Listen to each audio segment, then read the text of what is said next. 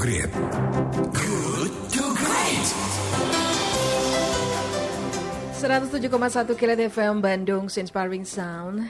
Terima kasih sahabat Kilat Anda masih di Good to Great because good is the enemy of great. Dan kita sudah masuk ke sesi In Spite of di pagi hari ini. Anda masih ditemani dengan saya Aska Said. Dan pagi ini di In Spite of akan berbincang mengenai petugas pengelola sampah tak luput mendapat perhatian di tengah pandemi, pandemi COVID-19. Nah, sahabat kelet YPBB atau Yayasan Pengembangan Biosains dan Bioteknologi menggalang donasi sebesar 30 juta 600 ribu rupiah untuk mendukung 340 petugas pengelola sampah di Kota Bandung, Kota Cimahi, dan Kabupaten Bandung yang selama ini telah didampingi oleh YPBB dalam program Zero Waste Cities atau Kota Bebas Limbah. Target donasi terpenuhi hanya dalam empat hari setelah diumumkan di tanggal 26 Maret 2020 dan akan tetap dibuka sampai dengan tanggal 20 April 2020 mendatang ya. Sampai hari ini uh, dukungan sudah disalurkan ke 110 petugas sampah dan donasi terkumpul sudah mencapai 58 juta rupiah. Wow. Pembagian tahap pertama ini diperkirakan akan selesai tanggal uh, eh, 15 April 2020 kemarin ya. Dan pada tahap kedua pembagian paket alat pelindung diri atau APD dilanjutkan ke petugas uh, pengomposan dan petugas pengelola sampah di kelurahan dampingan yang belum mendapatkan uh, juga diperluas ke RW-RW lain yang selama ini menjadi binaan DLHK Kota Bandung. Nah, penggalangan dukungan ini dilakukan untuk meningkatkan kepedulian masyarakat terhadap pengelola sampah karena setiap harinya menghadapi risiko kesehatan yang tinggi, terlebih di masa pandemi COVID-19 ini. Tapi sering kali luput mendapatkan perhatian. Dukungan berupa masker kain, kemudian juga sarung tangan karet, sabun cuci tangan, hand sanitizer, madu buah, tas kain dilengkapi dengan himbauan untuk petugas pengumpul sampah. Selengkapnya seperti apa? Kita akan ngobrol langsung dengan Teh Anilawati Nurwahidin atau yang akrab disapa Teh Anil yang merupakan humas dari program Zero Waste Cities. Berikut ini.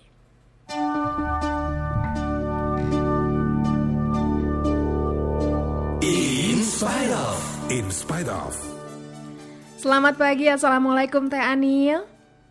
Waalaikumsalam. Selamat pagi sahabat Kelait. Selamat pagi Teh Anil. Bagaimana Teh Anil kabarnya? Sehat ya?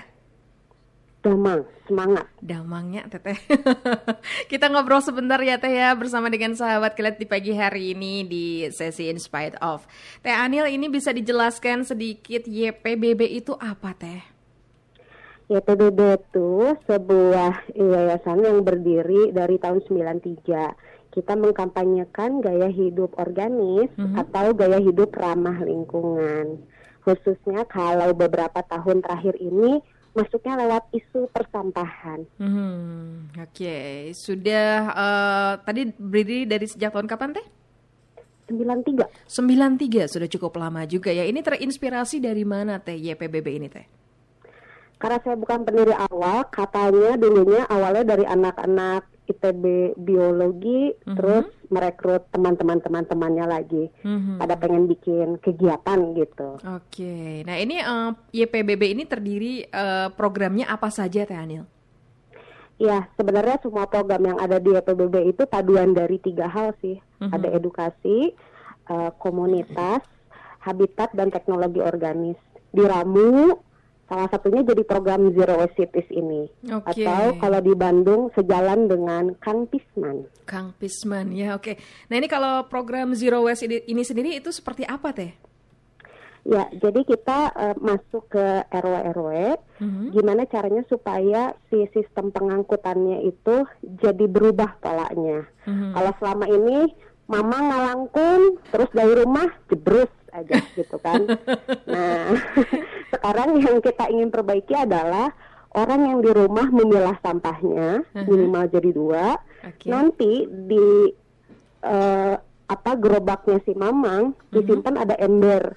Oh. Nah, si organik masuknya ke ember. Uh-huh. Nanti mamangnya kemudian juga dilatih supaya bisa mengkompos di kawasan Oh. Misalkan yang paling sederhana bikin lubang pengomposan, mm-hmm. ya udah gebrus ke situ. Mm-hmm. Jadi memang pengomposannya itu dilakukan komunal karena belum semua orang uh, mau dan bisa mengkompos di rumahnya masing-masing. Mm-hmm. Nanti sisanya baru deh diangkut ke TPS. Mm-hmm. Atau untuk kawasan yang tidak memungkinkan untuk mengkompos di kawasannya sendiri. Mm-hmm eh, kalau untuk Bandung kita kerjasama dengan PD Kebersihan, mereka akan angkut ke TPS hmm. yang memang bisa ngelola sampah organik.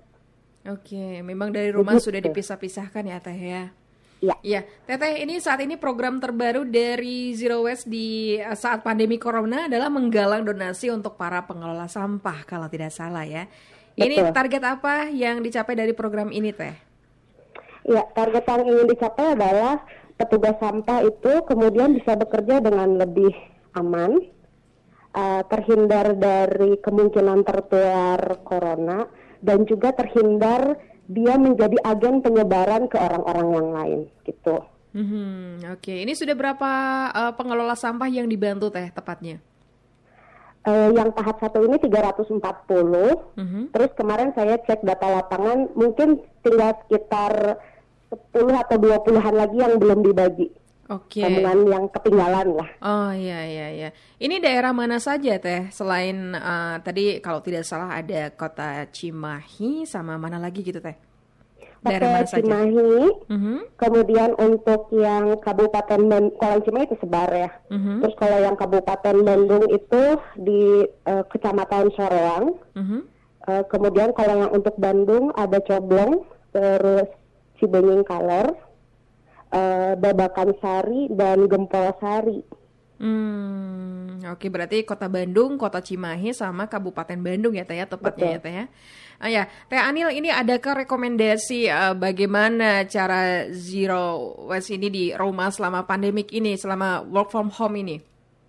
Iya, yang pasti kalau sampah kan dari sebelum uh, pandemi corona pun kita selalu anjurkan untuk dipilah dari rumah tadi seperti yang diceritakan paling enggak organiknya dipisah mm -hmm. nanti dikompos sedekat mungkin dari rumah kita mm -hmm. atau di kawasan gitu nah kalau lagi pandemi juga eh, yang kita tekankan si sampah-sampah yang infeksius ini perlu dipisah mm-hmm. gitu jadi kayak bekas masker sekali pakai terus bekas eh, tisu mungkin ada bekas uh, Ingus dan teman-teman kayak gitu. Mm-hmm. Nah itu dipisahkan, kemudian disimpan dulu beberapa hari sebelum nanti dikasih ke petugas pengumpul sampah RW.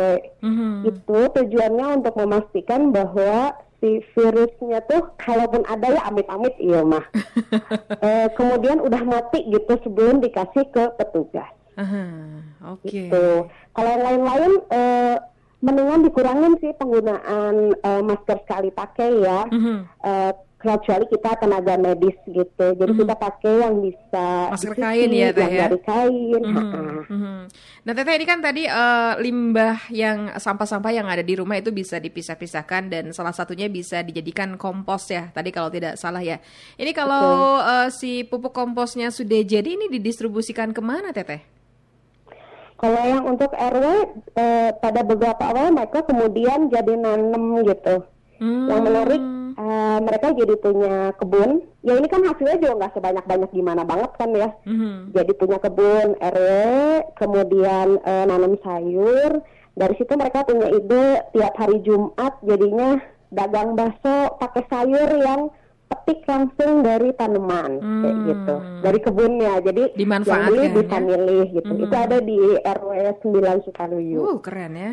Hmm. Ya, nah sisanya kan sebenarnya ya bisa dipakai buat nanam aja masing-masing di rumah hmm. gitu. Nanti bisa dibagikan misalkan yang mau bisa minta karena itu kan sebenarnya milik bersama kan. Oh, oke okay, oke. Okay. Nah tadi tadi kan uh, untuk sampah kan dipisah-pisah. Salah satunya ini ada sam, uh, sampah yang limbah rumah sakit katakanlah seperti apalagi sekarang di tengah pandemi corona ini uh, banyak sekali ya sampah tisu seperti tadi ya bekas orang yang flu atau mungkin juga uh, masker yang sekali pakai, uh, kemudian juga bekas suntikan dan lain sebagainya. Ini uh, sudah dipisahkan. Kemudian ini dimusnahkannya ini ada, apakah ada tempat khusus atau bagaimana? Ini untuk menghindari kekhawatiran warga, Teteh? setahu saya belum ada.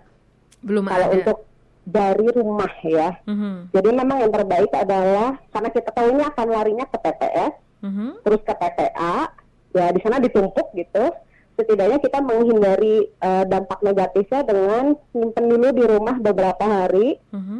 sebelum dikasihin ke petugas. Kayaknya baru itu yang bisa kita lakukan dengan kondisi yang ada ya. Mhm. Idealnya tentu disediakan pengolahan sampah Mhm. eh, B3. Tapi rula belum ada. Jadi itulah usaha maksimal yang bisa kita lakukan. Sama tadi kurangin penggunaan masker sekali pakai kayak gitu. Mhm. Ya, Teteh, apa ini himbauan kepada masyarakat luas mengenai eh, sampah di tengah pandemi corona seperti ini, Teh? Ya, tetap semangat untuk mengelola sebanyak mungkin kita urus dari rumah kita sendiri supaya nggak menimbulkan dampak negatif keluar. Mengkompos tentu yang terbaik, uh, terutama untuk di daerah yang sistem pengangkutan sampahnya belum dikelola secara komunal. Bisa kita kompos dengan berbagai metode, ada yang bisa di dalam ruang, ada yang di lahan sempit, atau kalau yang lahannya besar, horean langsung bikin lubang aja gitu. Nah, disesuaikan sama kondisi rumah masing-masing. Baik, baik. Teh Anil, yang terakhir, Teh. Apa harapan Anda dengan adanya program Zero Waste City ini? Harapannya pengolahan sampah nantinya memang bisa dipilah dari rumah, eh, kemudian kompatibel dengan sistem pengangkutannya juga, sehingga akhirnya secara jumlah total tuh jumlah sampah kota yang perlu diangkut ke TPA nanti akan menurun. Dan yang kedua, kalau ini dilakukan dengan eh, baik, tentunya para petugas sampah ini pun nggak usah ya ngorek-ngorek eh, sampah dari rumah hanya untuk dapetin eh, beberapa botol yang bisa jadi tambahan penghasilan mereka kayak gitu. Jadi dari awal tuh udah terpisah, lebih aman buat petugas pengumpul sampah juga. Iya, baik Teh Anil, hatur nuhun. Terima kasih untuk bincang-bincangnya di pagi hari ini, Teh. Sangi-sangi. Iya. Terima kasih ya. Baik sahabat, kalian demikian perbincangan kita bersama dengan Teh Anilawati Nurwahidin atau yang akrab disapa Teh Anil yang merupakan humas program Zero Waste Cities.